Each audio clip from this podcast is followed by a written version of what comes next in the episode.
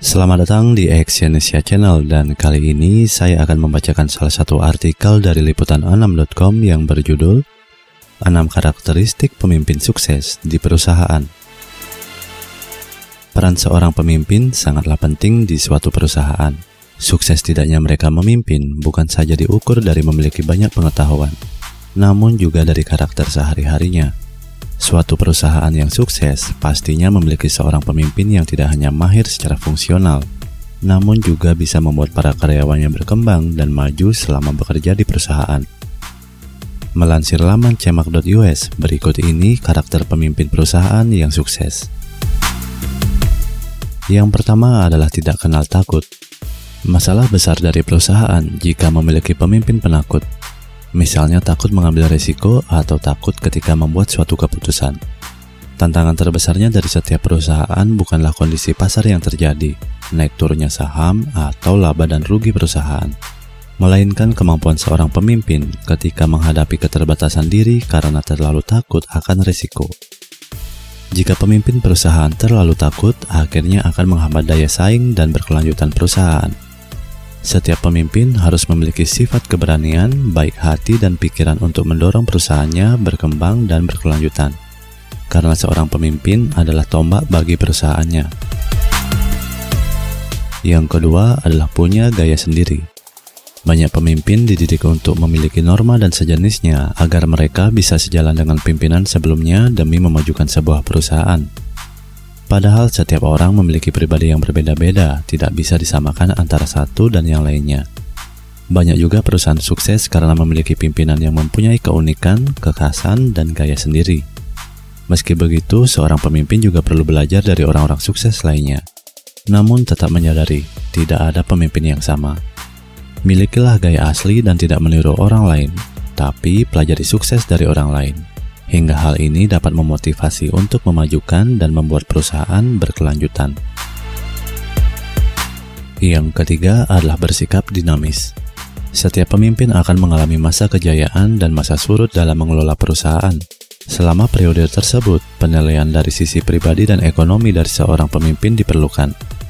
Selain itu, kompetensi inti pemimpin harus mampu mengidentifikasikan sumber-sumber perlawanan yang menuntut pemimpin selama periode ketidakstabilan.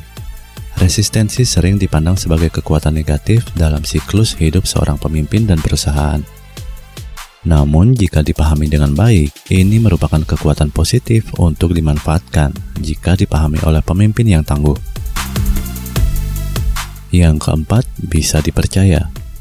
Pemimpin sukses juga harus bisa dipercaya.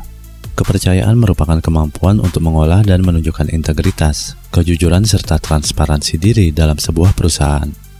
Seorang pemimpin yang sukses menyadari sepenuhnya bahwa kepercayaan adalah dasar dari setiap hubungan yang baik dan kunci untuk membangun koneksi yang solid di perusahaan. Ketika seorang pemimpin bisa menumbuhkan kepercayaan, maka karyawannya juga bisa membentuk ikatan yang lebih kuat seperti membangun komunikasi lebih efektif dan efisien saat bekerja. Yang kelima adalah tanpa kompromi. Menjadi seorang pemimpin harus bisa menyeimbangkan sikap fleksibel dan tidak. Saat menghadapi masalah di perusahaan, sebaiknya jangan ambil langkah pintas dengan keputusan sendiri. Meskipun langkah itu tepat, tapi ada baiknya untuk mendiskusikan dengan karyawan bagaimana bila melakukan langkah tersebut atau minta pendapat mereka. Namun jika ada yang membelot dengan kebijakan yang telah dibuat, sikap tanpa kompromi juga perlu ditegakkan. Karena seorang pemimpin juga harus bersedia untuk mengambil sikap, disiplin, dan bertindak sesuai dengan nilai dan prinsip perusahaan. Yang keenam adalah mulia. Mulia didefinisikan sebagai kualitas yang memiliki atau menampilkan sikap pribadi terhormat, baik, dan menjunjung tinggi prinsip-prinsip moral tinggi serta cita-cita tinggi. Seorang pemimpin yang mulia dapat memberikan arah dan tujuan dalam perusahaan.